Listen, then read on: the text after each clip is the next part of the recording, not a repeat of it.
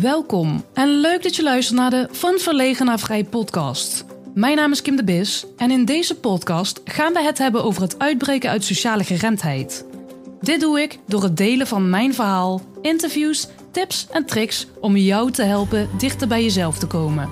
Zodat je kan gaan focussen en bouwen aan dromen en verlangens in jouw verlegen vrij leven. Ik wens je veel luisterplezier. De derde aflevering alweer. In deze aflevering wil ik het met jullie gaan hebben over concrete voorbeelden waar ik last van had. Ja, wat mijn obstakels waren. En hoe dat in de praktijk uitwerkte.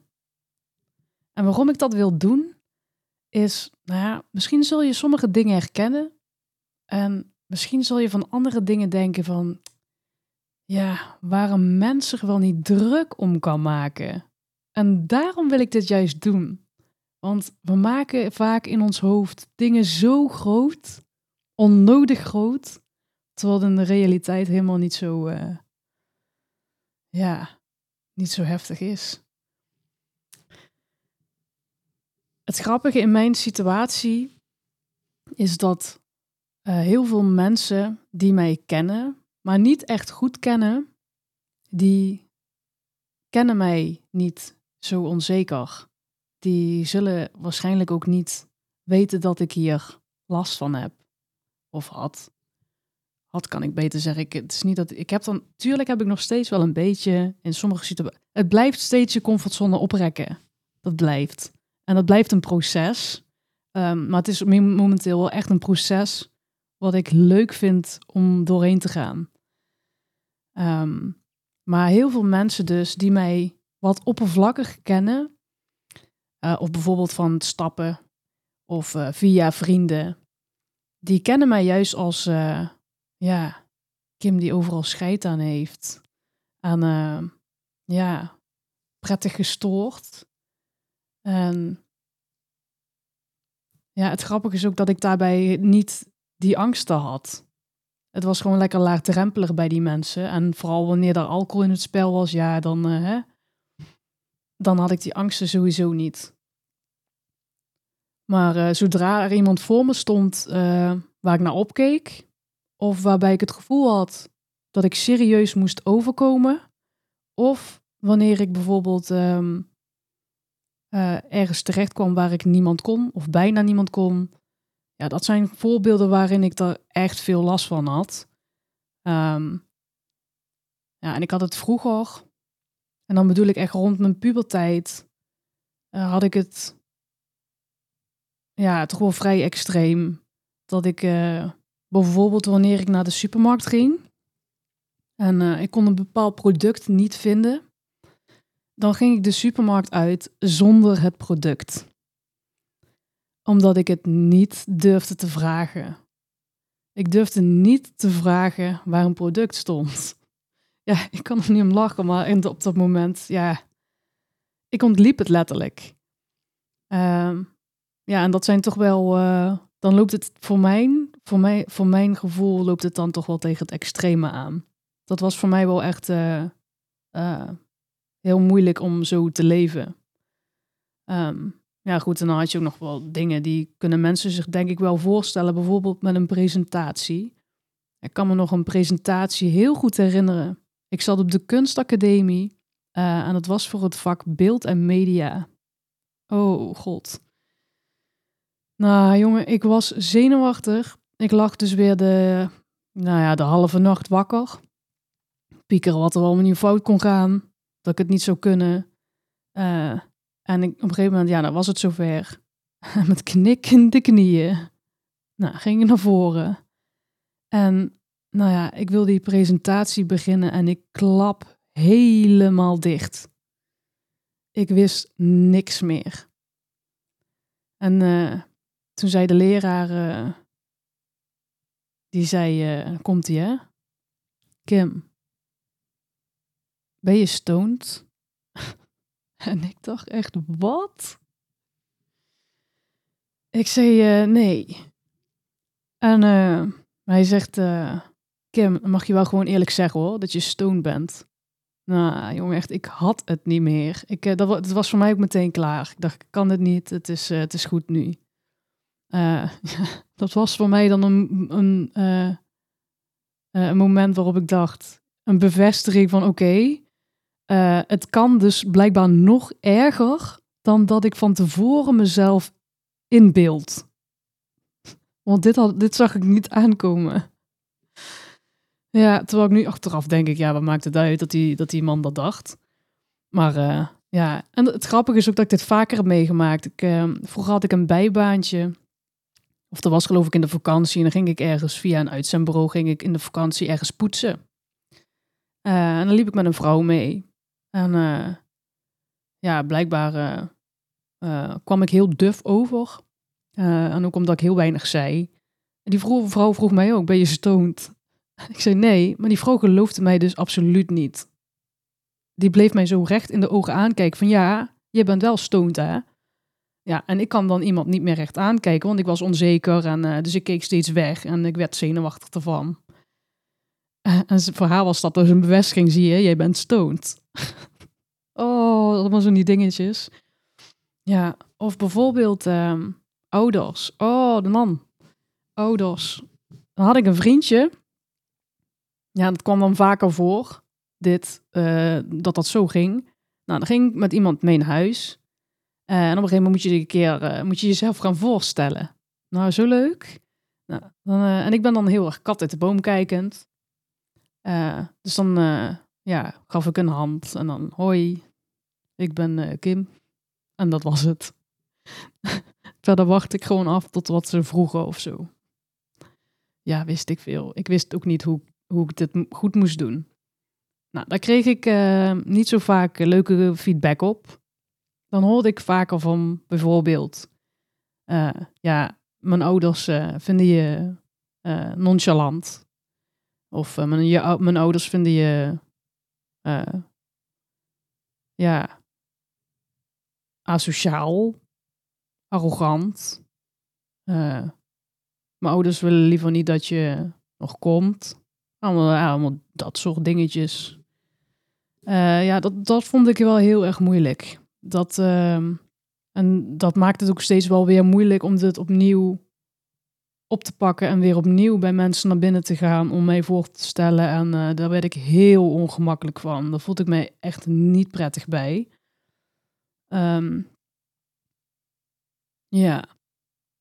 En ik, uh, op een gegeven moment had ik een bijbaantje uh, in de horeca. Oh, dat was een uitdaging. ja, dat was op een vakantiepark. In een restaurant. En ik was altijd zenuwachtig voordat ik moest beginnen. Maar als ik eenmaal bezig was, ja, dan op een gegeven moment ging dat wel. Ik, het was altijd bomvol daar. En ik nam de bestellingen op. Dus dan ben je alleen maar bezig. Opnemen, opnemen, opnemen. Uh, en ja, op een gegeven moment dan ging dat dus wel. Want je bent toch niet met jezelf bezig. Je hoeft ook niks van jezelf te laten horen. Je hoeft alleen maar dat riedeltje steeds opnieuw. Uh, ja, dus dat hielp wel.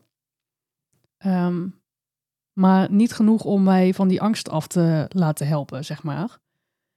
Uh, oh ja, dat was ook een eentje. Ik, uh, op een gegeven moment um, ben ik een keer meegelopen met iemand die uh, deed lipdubs opnemen.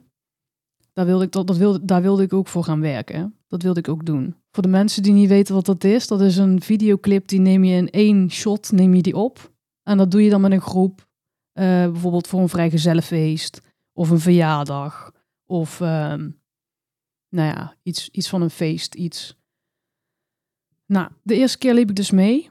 En de tweede keer was het de bedoeling dat ik dat meteen helemaal alleen ging doen. Nou, jong. Zenuwachtig. Zenuwachtig, niet normaal. Oh man. en uh, ja, de eerste keer, dat was echt, uh, ik weet ook niet hoe ik overkwam. Het is wel gelukt. Uh, maar volgens mij kwam ik ook echt uh, stotteren. En nou, ik stond er volgens mij echt nee, niet helemaal niet relaxed. Verliep dat.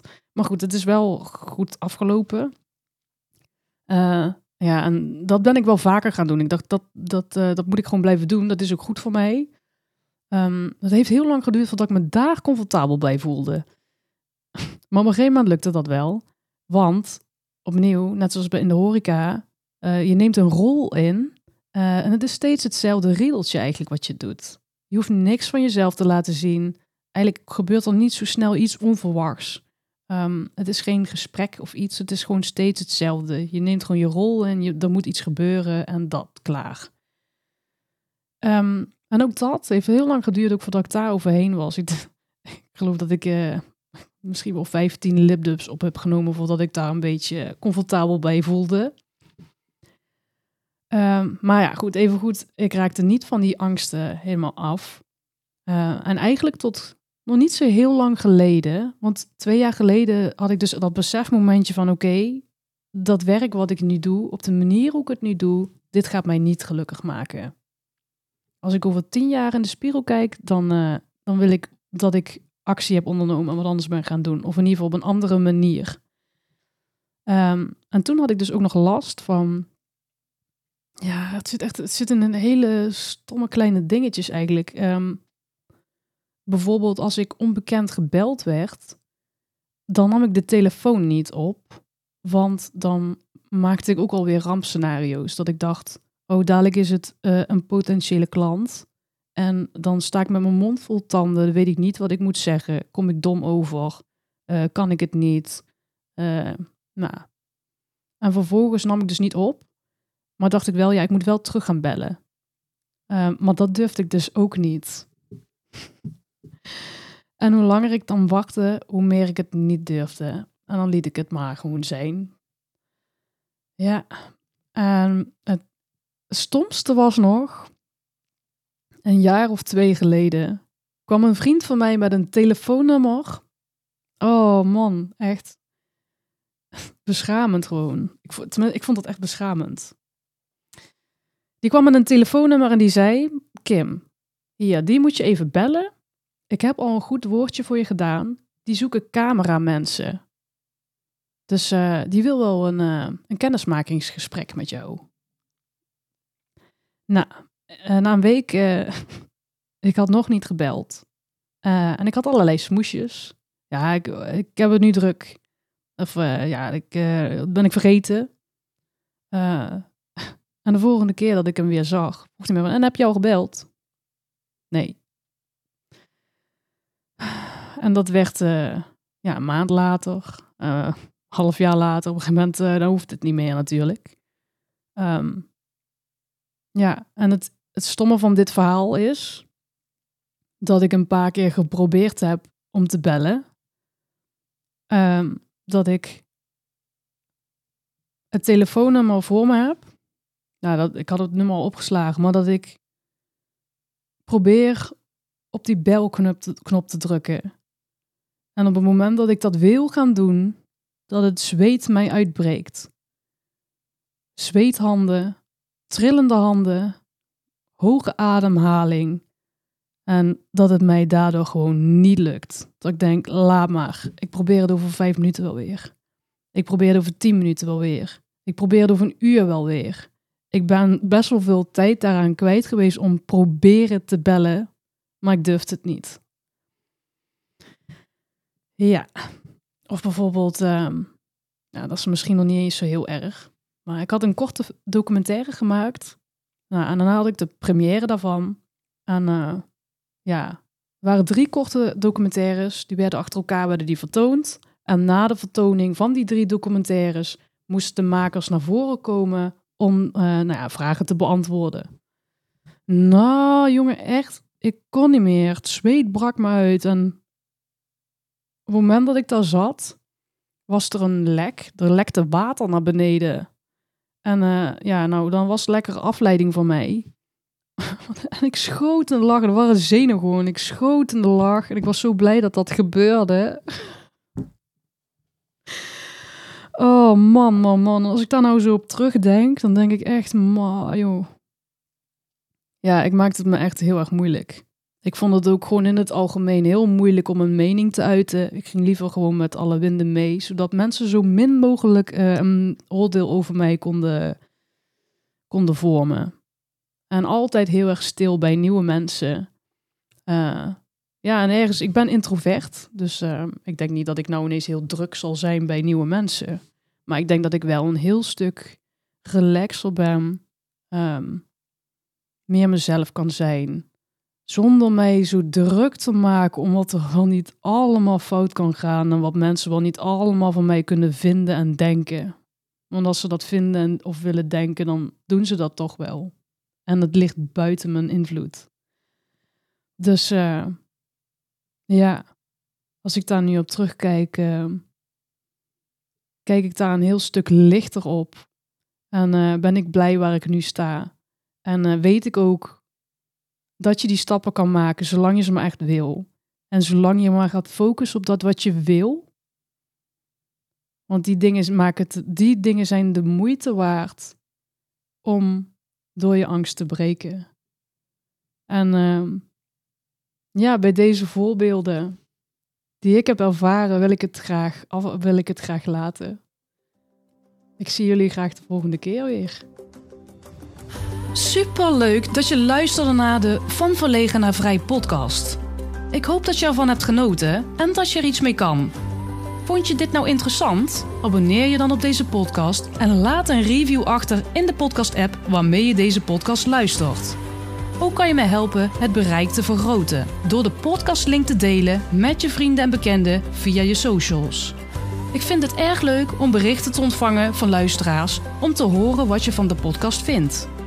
Mocht je nou vragen, suggesties of inzichten hebben gekregen door de podcast, stuur dan een bericht via Facebook of Instagram.